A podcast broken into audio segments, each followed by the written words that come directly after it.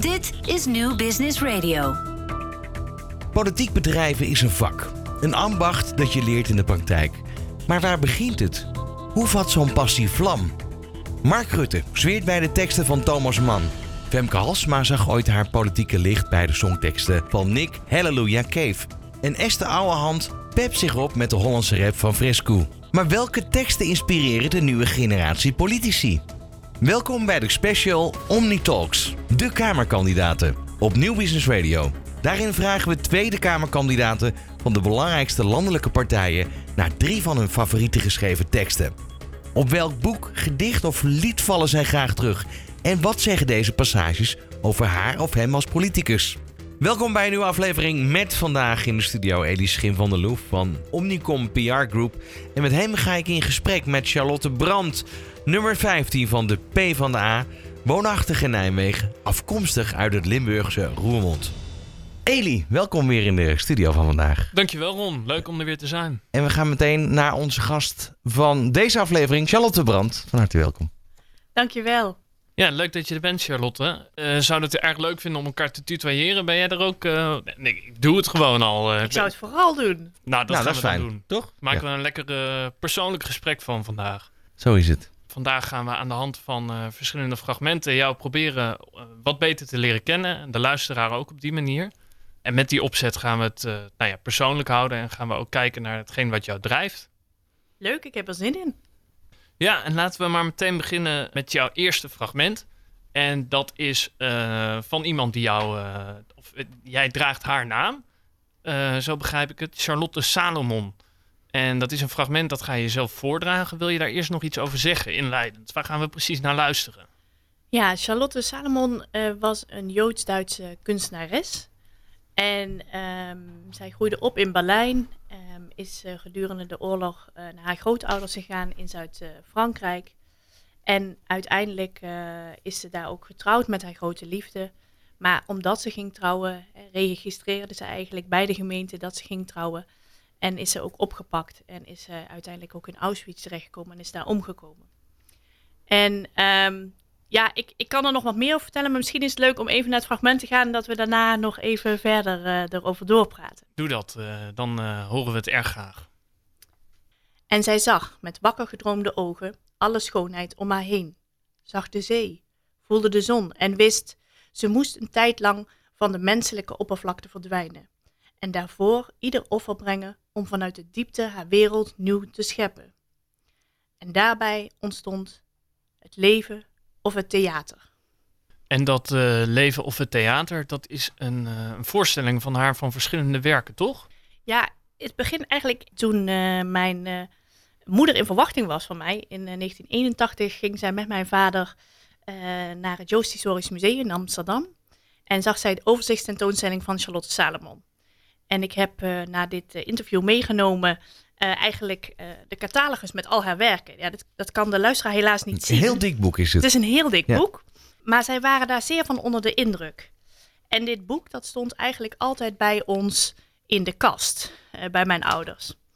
Dat kan je ook zien. hij, hij heeft mooie gebruikssporen. Dus hij heeft een historie, een verhaal. Ja, en dit is het exemplaar dat bij mijn, bij mijn oma in de kast stond. ik heb net nog even gekeken, want er zat een plakkertje in van een boekhandel uit Maastricht. Uh, en mijn ouders hebben hem ook nog uh, staan. Uh, en wat, wat het nou zo bijzonder maakt, ik, ik zag dit boek vroeger altijd. En ik dacht, nou, dat is leuk, dat is een boek over mij of over iets. Dus ik begreep dat toen ik jong was nog niet. Maar op een gegeven moment vertelden mijn ouders het verhaal van deze Charlotte. En zij vonden de naam heel mooi en hebben mij ook eh, niet zozeer vernoemd, maar wel de naam gegeven van zo iemand.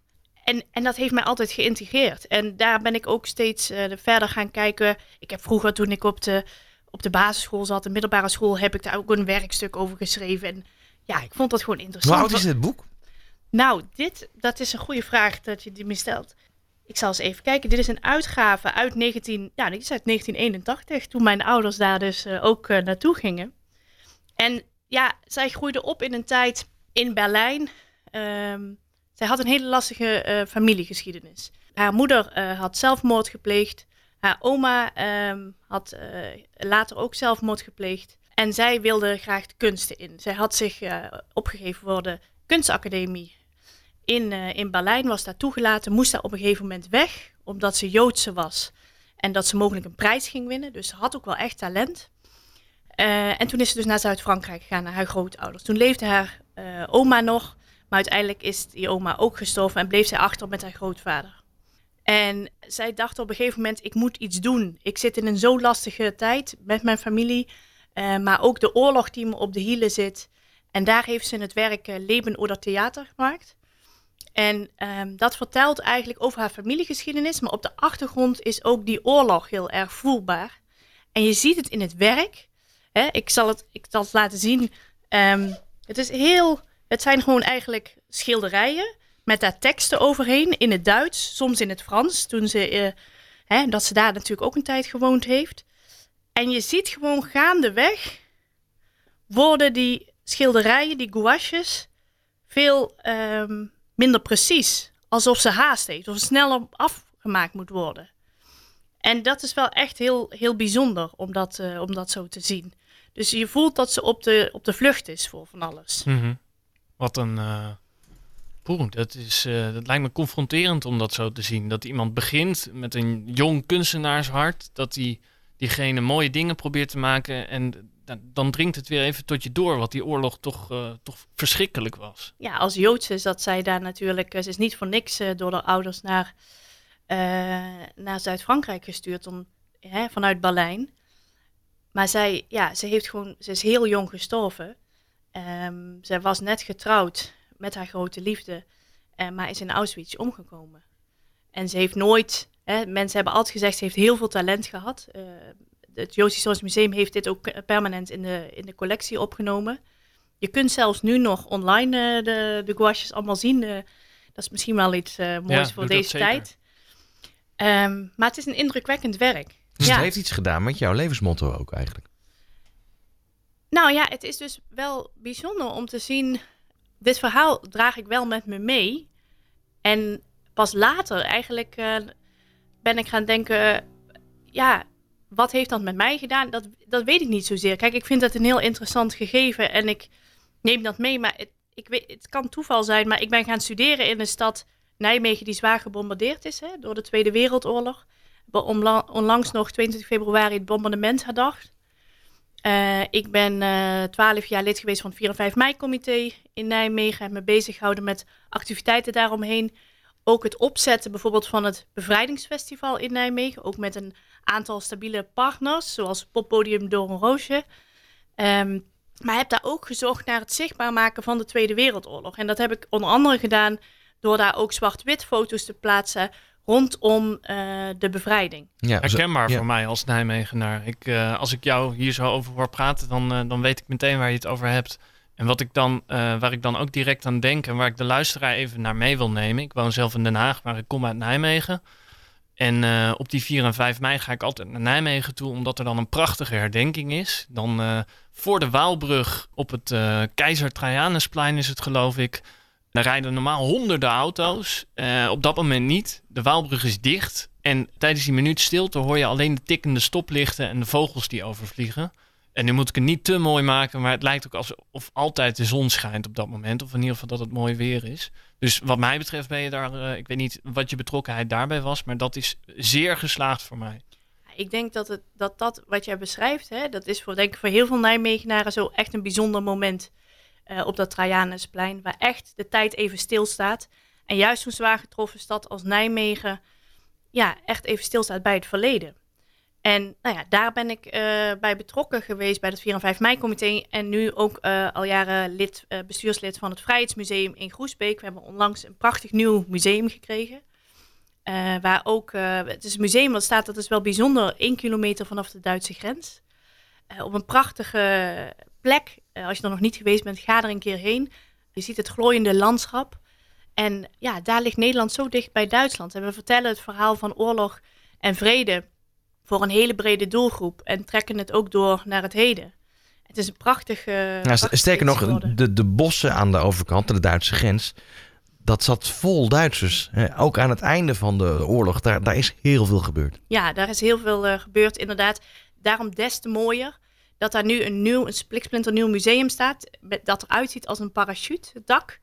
Eh, ja, was, dat- voor de sneeuw was dat niet zo'n succes? Nee, dat, eh, dat klopt. Gelukkig is dat uiteindelijk eh, goed gegaan. Maar ja, toen het sneeuwde, kwam al dat sneeuw op dat dak en dat zakte in. Maar uiteindelijk is dat goed opgepakt en ook door de mensen die dat gebouwd hebben. Het is een uniek concept in de wereld. En helaas zijn er nog weinig bezoekers kunnen komen vanwege de huidige coronacrisis. Maar als dat straks voorbij is, want daar heb ik wel geloof in, er komt weer, eh, er is weer licht dadelijk aan het eind van de tunnel. We kunnen dadelijk weer meer. Nou, dan zou ik echt iedereen willen uitnodigen om daar eh, langs te gaan en ook het van het mooie landschap daar te genieten. Ik, ik hoor jou heel opvallend zeggen eigenlijk ook van die, de eh, ja, verhalen uit de oorlog. Je vindt heel belangrijk dat ze verteld blijven worden. Ehm, nu hebben wij, wij zijn volgens mij generatiegenoten en wij hebben het nog best wel meegekregen. Maar ja, ik denk naarmate, het is wel afgezwakt. Merk je dat ook?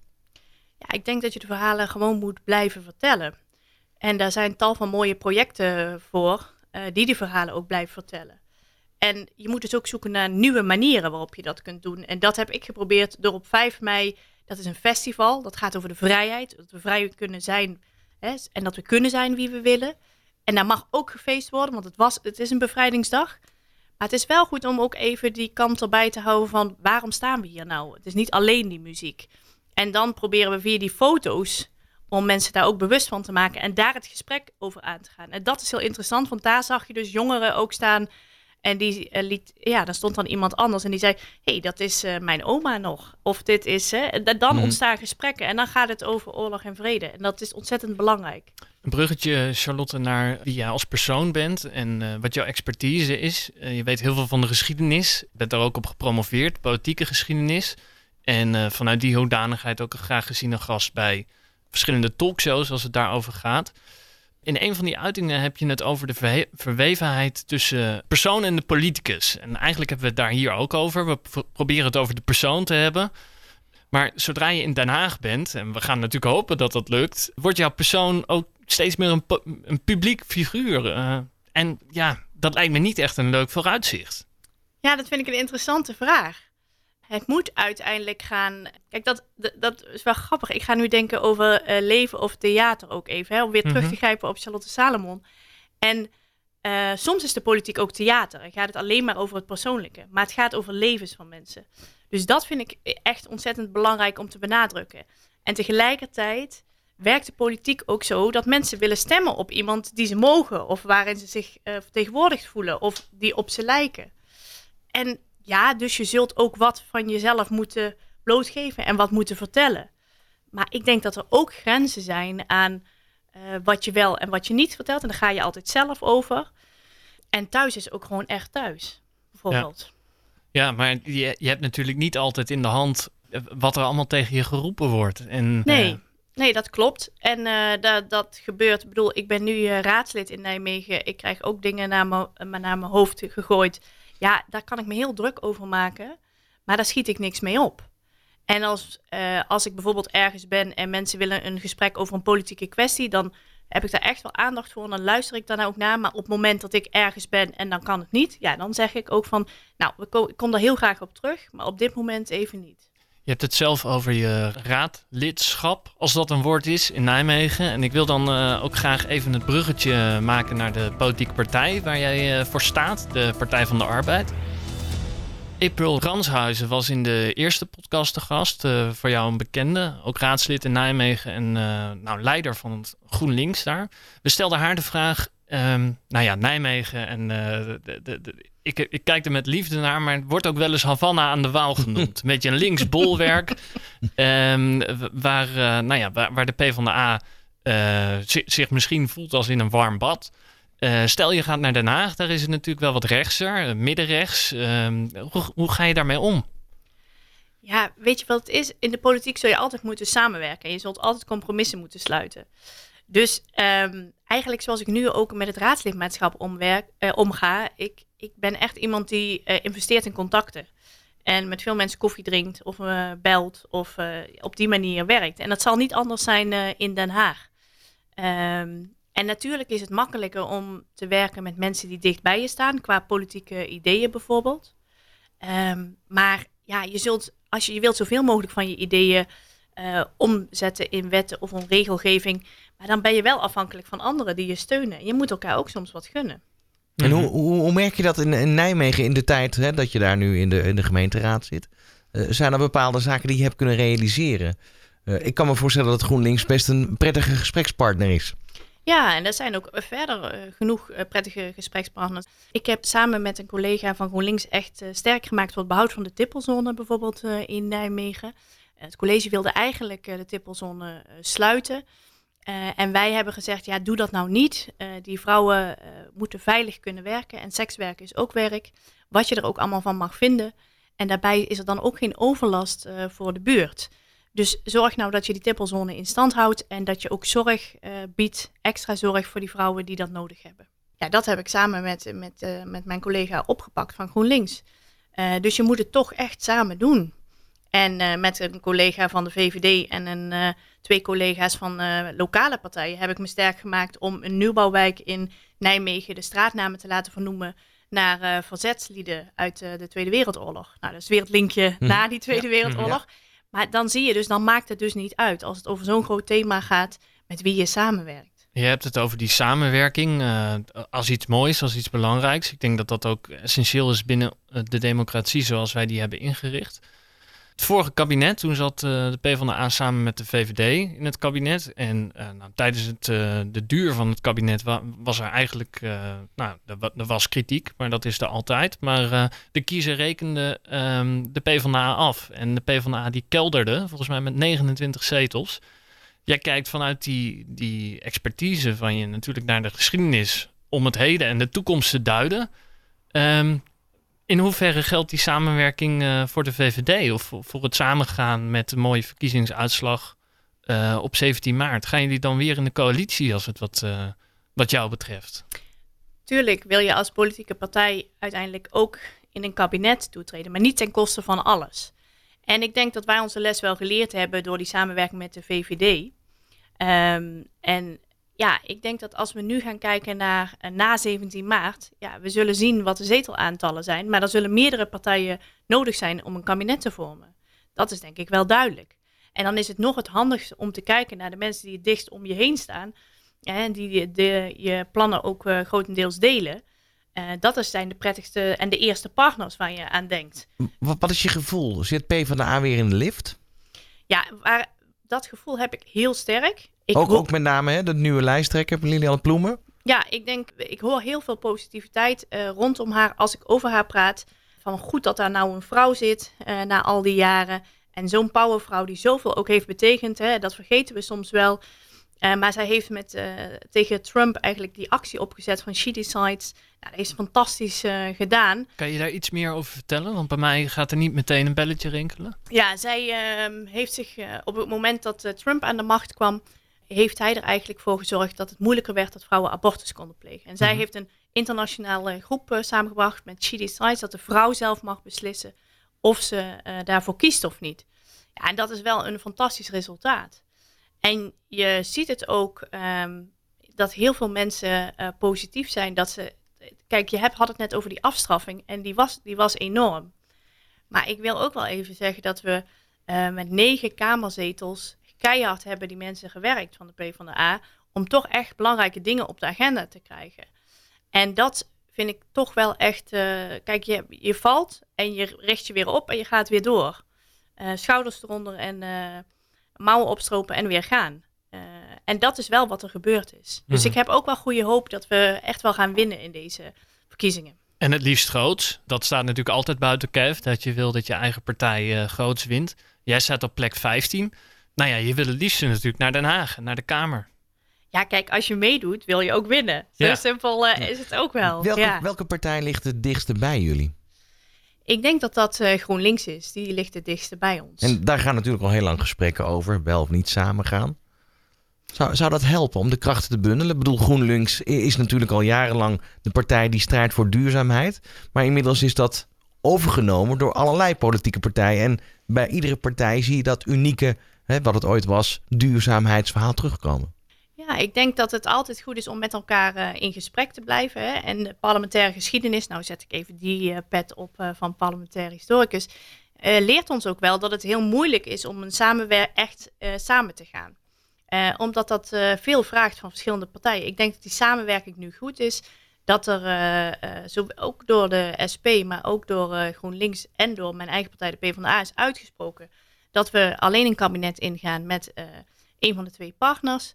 En het liefst met, met z'n drieën.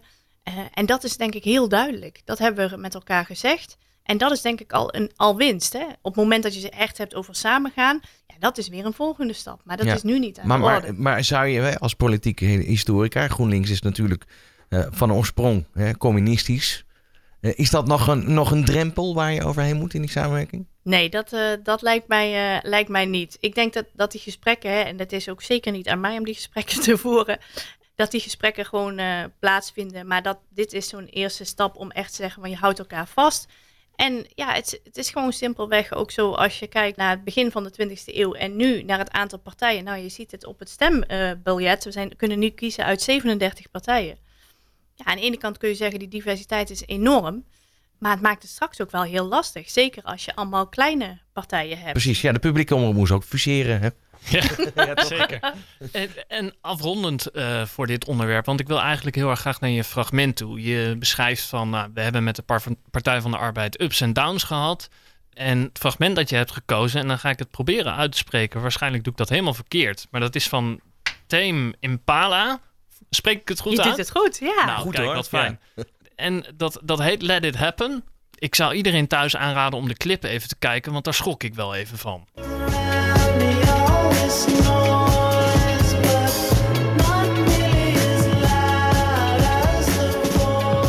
Wat zag je in die clip? Ja, in die clip zie je eigenlijk iemand, eh, een man in pak, eh, volledig gedraineerd, energieloos. En die probeert zijn vliegtuig te halen. En in de tussentijd gaat er van alles mis. Maar de boodschap van het nummer is volgens mij dat je op dat soort momenten het even moet laten gebeuren en het rust moet geven.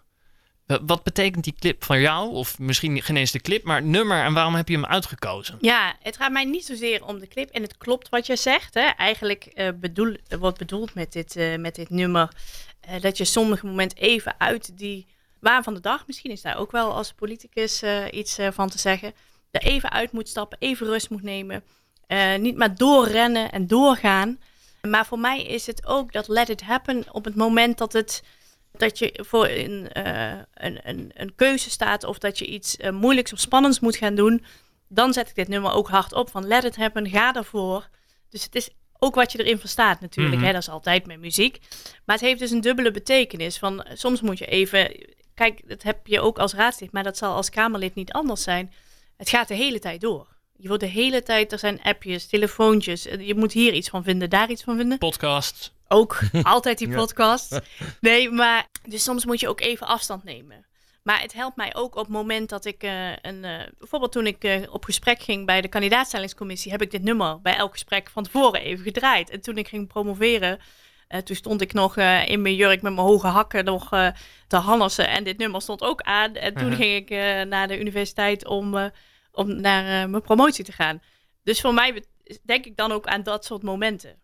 Dus het, je hebt er ook hele prettige herinneringen bij die jou op dat moment helpen eh, beseffen van, nou, ik ga er alles aan doen wat ik kan. Ja. Maar uiteindelijk is het ook niet helemaal aan mij. Nee, tuurlijk niet. Je kunt niet, kijk, je hebt niet alles. eh, het zou mooi zijn als je alles zelf kon, eh, in beweging kon brengen en alles kon schaken. Maar sommige dingen heb je niet in de hand. En je kunt je best doen en meer dan je best kun je niet doen. En eigenlijk vind ik dat wel een heel mooi bruggetje naar het derde blokje dat we, dat we gaan eh, bespreken. En dat is de politicus. En daarin heb je ook een derde fragment. En dat is van Aletta Jacobs. En eh, voor diegenen die haar niet kennen, zij heeft zich heel erg sterk gemaakt voor het eh, vrouwenkiesrecht in, in Nederland. En je hebt een speech van haar en daar ga je een stukje uit voordragen. We gaan even luisteren. Want de invoering van vrouwenkiesrecht zal toch blijken van grote historische betekenis voor ons land te zijn. En zal tot gevolg hebben een hele ommekeer in het leven der vrouwen en in haar maatschappelijke en politieke betekenis. Vanaf den beginnen heeft de Vereniging voor Vrouwenkiesrecht nooit om het kiesbiljet gesmeekt. Wij wilden het niet als een aalmoes, maar als een toekomend recht ontvangen. Mooi. En hij komt uit eh, 1919. We hebben hier allemaal de tekst voor ons. Betekenis met twee e'en. Ja, mooi hè? Ja, Ja, Misschien moeten we dat weer gaan doen. Is dat niet dat maakt het een stuk makkelijker, Ja. hè? ja toch? ja, nou dan weten we in ieder geval allemaal hoe we hem uit moeten spreken. Ehm, maar dit is, voor Nederland heeft dit een uh, belangrijke... nou, eigenlijk iedereen in Nederland die heeft hier iets mee. De Tweede Kamer uh, is ook een zaal, de Aletta Jacobszaal... waar commissievergaderingen gehouden worden. Maar wat betekent het voor jou? Ja, kijk, zij zorgde voor vrouwenkiesrecht. En dat is ontzettend belangrijk. En we moeten ons realiseren dat dat nog helemaal niet zo lang geleden is. En ik denk dat dat de eerste stap is naar uh, gelijkwaardigheid en naar gelijke behandeling. Maar we moeten nu ook verder die stappen durven te zetten. Maar het is wel goed om hierbij stil te staan en om dit ook te vieren op het moment dat het zover is. Hè. Dat hebben we onlangs uh, gedaan, natuurlijk toen 100 jaar uh, algemeen kiesrecht was. Um, maar dit zijn wel echt belangrijke dingen. En ook om te realiseren dat dat nog niet zo lang het geval was. En aan welke verdere stappen denk je? Nou ja, we hadden het er natuurlijk over, als je kijkt naar de samenstelling van de Tweede Kamer op dit moment, is slechts een derde van de Kamerleden vrouw. Dat vind ik toch een beetje gek. En dan hebben we het nog niet eens over diversiteit, echt, en kleur. En uh, ja, dat vind ik toch wel iets voor. We leven in 2021. Is toch een beetje gek. Ik kijk even naar Ron, want uh, ik vind het een interessante opmerking. Uh, we hadden het hier ook met Soher El Yassini over. Zeker. En hij gaf aan, of in ieder geval zijn boodschap was: die diversiteit is belangrijk, maar het moet niet doorslaan dat je op een gegeven moment op zoek gaat naar iemand met een kleur of met een bepaalde afkomst of man, vrouw, om dan om een totale plaatje maar te laten kloppen. Um, hij staat er wellicht wat anders in dan jij, maar hoe kijk jij daarnaar? Ik vind dat je het uh, dat je daar wel serieus naar op zoek moet gaan. Je moet er echt, uh, we moeten die hokjes doorbreken. En ik zie het zelf bij studenten, want ik werk op de universiteit, dat je soms zie ik een vrouwelijke student en daar praat ik dan mee en die zegt, ja, ik weet niet, moet ik hier nou op solliciteren? Moet ik dit nou gaan doen? Maar ben ik wel goed genoeg? En dan is dat zonde dat zo iemand die perfecte papieren heeft dat eigenlijk niet doet, omdat ze dat bijvoorbeeld niet durft dat vind ik echt zonde. Dus die, die probeer ik dan een, eh, een duwtje in de rug te geven. En ik denk dat als we bijvoorbeeld kijken ook naar, uh, naar grote bedrijven en naar de raad van bestuur. Ik heb het zelf gemerkt bij allerlei besturen waar ik in zat. Uh, ik ben heel vaak uh, de enige vrouw. Of de jongste vrouw. Dat is altijd leuk, hè, de jongste vrouw. Maar op een gegeven moment word ik natuurlijk ook ouder. Maar dat vind ik wel gek. Mm -hmm. Dus um, ja, dan probeer, vind ik wel dat we daar heel serieus naar moeten kijken. Maar, maar vind je bijvoorbeeld dat onderaan een vacature moet staan... Uh, op het moment dat je bij wijze van spreken uh, andere afkomst hebt of uh, je bent vrouw... voor de diversiteit binnen het bedrijf moet je zeker solliciteren. Vind je dat soort teksten... nou, de Universiteit van, van Utrecht staat... wij staan voor een inclusieve samenleving... en diversiteit van teams is belangrijk. Kijk, alleen maar vrouwen, alleen maar mannen... maar gaat het niet om uiteindelijk uh, het, het, product wat geleverd wordt door de tuurlijk, medewerker. Tuurlijk, daar gaat het om. Het gaat om kwaliteit. Maar dat is, wordt heel snel gezegd. Hè? Het gaat om kwaliteit. Maar het gaat er ook om dat je je kunt herkennen. En dat is gewoon bijvoorbeeld in de Tweede Kamer zitten, geen, uh, zitten gewoon echt te weinig vrouwen en te weinig mensen van, van kleur. En dat moet echt veranderen. Want het is een hele grote groep die zich niet vertegenwoordigd voelt. En je ziet het ook bij bijvoorbeeld sollicitatiegesprekken. Ja, dat als daar bijvoorbeeld allemaal mannen op een rijtje zitten uh, die zoeken heel vaak, en dat is onbewust, hè, dat is niet eens zozeer bewust dat dat gebeurt, toch weer naar die man. En vaak wordt er ook gezegd, ja, maar vrouwen, ja, die bieden zich niet aan, die, ze zijn er niet. Maar, maar volgens mij heb je hier twee verschillende onderwerpen te pakken. Je hebt aan de ene kant heb je het over diversiteit en met name over de afkomst. En je hebt het over de, de man-vrouw verhouding binnen bedrijven. Dat zijn eigenlijk toch twee aparte issues? Ja, maar ze hangen wel nauw met elkaar, nauw met elkaar samen. Kijk, je ziet het ook in topfuncties. En je hoorde het ook, uh, onze premier uh, is nou vier jaar geleden ja, zeggen... ja, nou, de echt goede vrouwen, ze waren, er waren bijna geen vrouwen. Die, we hebben ze gebeld, maar ze wilden niet. Ja, maar dan moet je harder zoeken. Dan moet je meer gesprekken voeren. Heeft ze zijn te maken met, met toch vaak de werk-privé-balans van vrouwen? Dat ze zich uh, thuis ook ja, willen laten gelden bij kinderen? Is, is dat een probleem? Is, maar waar zit dat? Ja, ik, dat vind ik eigenlijk uh, te makkelijk. Want dat wordt heel vaak gezegd. Hè? De vrouw exact. die wil, wil, uh, wil thuis blijven voor de kinderen. Nou, dat, dat geloof ik gewoon niet. Je moet vrouwen misschien uh, wat vaker een duwtje geven. En vrouwen zijn wat bedachtzamer soms. mannen zeggen vaak als ze gevraagd worden... Ja, ik kan dat. Ik ga dat doen. En vrouwen zijn misschien soms wat vaker dat ze wat afwachtender zijn. Dat ze er langer over willen nadenken. Ja, soms is die tijd er ook niet hè, om, om daarover na te denken. Maar ik vind het ook echt een rol van de politiek om dat um, een zetje te geven. En om te zorgen dat dat uh, wel echt meer uh, gaat gebeuren. En dat we ook meer een afspiegeling zijn van die samenleving. Dus op het moment dat uh, PvdA in de coalitie komt, dan gaan jullie niet alleen vrouwelijke ministers leveren, maar eigenlijk, nou ja, minister, staatssecretaris, liefst zoveel mhm. mogelijk natuurlijk. Maar dan gaan jullie kijken naar een daadwerkelijke afspiegeling van de maatschappij die daar terecht komt. Ja, ik bedoelde, ik denk als ik kijk naar onze lijst, die is ontzettend divers. Met een uh, mooie verdeling van man, vrouw. Ehm, uh, maar ook uh, vanuit verschillende achtergronden, kleuren, jonge mensen, mensen met meer ervaring. Ja, zoiets verwacht ik ook inderdaad in een kabinet. En zeker als mijn partij daaraan mee gaat doen. Wat ik wel mooi vind aan wat Aletta deed, die wilde naar de universiteit. En ik zeg Aletta, misschien Aletta Jacob zeggen, om, om toch haar de respect te geven die ze verdient. En ze schreef toen een brief aan, uh, aan Thorbecke, uh, die op dat moment natuurlijk uh, nou, zo'n beetje de belangrijkste man in Nederland was, om maar naar die universiteit te mogen. En nou, met resultaat, ze mocht naar de universiteit. En daar moest ik een beetje om lachen, omdat wij dat eigenlijk, nou ja, ik werk voor Omnicom PR Group. Wij doen dat zelf ook. We benaderen politici, uh, onder andere uh, voor bedrijven, maar ook uh, bepaalde bewegingen die niet genoeg gehoord worden. Dus ja, ik vond dat wel heel sprekend. Dat als je je stem laat horen, dat dat heel erg bij kan dragen. En dat je jezelf echt op de, op de kaart zet. doe jij dat ook? Ben jij ook zo iemand die, die zichzelf heel erg op de kaart gaat zetten om in die kamer te komen? Ben je al mee bezig misschien? Ja, ik vind dat je niet de Tweede Kamer in moet uh, ter meerdere eer en glorie van jezelf. Dat lijkt me het allerslechtste idee. Maar ik ben wel van het type, je kunt aan de zijkant, uh, zijlijn uh, lopen schreeuwen dat het anders moet. Of je kunt het zelf gaan doen. En dat is wat ik ook altijd van huis, heb mee, uit heb meegekregen. Ja, de maatschappij ben jij ook zelf. En je kunt er zelf ook een bijdrage aan leveren. En dat heb ik eigenlijk uh, van jongs af aan gedaan. En ik heb veel vrijwilligerswerk gedaan bij de Zonnebloem, uh, vluchtelingenwerk, hè, bij dat uh, 4 en 5 mei comité, Vrijheidsmuseum, dat soort instellingen. En altijd met heel veel plezier. maar dan kan je ook iets kleins doen. Mm -hmm. En dan kun je het iets beter maken. Dus dat, ja, als je je mond open doet, kan het altijd beter worden. We gaan ervan uit dat je naar Den Haag gaat. Laten we het gewoon uitspreken. We, we, we gaan ervan uit. Um, ga je in Den Haag ook wonen of blijf je lekker in Nijmegen? Nee, ik ga niet in Den Haag wonen. Nee, ja, uh, jullie kennen Nijmegen, maar als je in Nijmegen woont, dan wil je daar ook niet meer weg. Hè? Ik woon nou dit jaar langer in Nijmegen dan dat ik woonde in Limburg. En het is echt de stad van mijn hart. En het mooiste vind ik altijd als ik in Nijmegen, hè, ik werk in Utrecht ook nog, um, dan kom ik met de trein over de spoorbrug en dan zie ik Nijmegen aan de beide kanten van de Waal. Uh, en dan zie ik het mooie, mooie stad en de Stevenstoren en ik zie het Valkhof.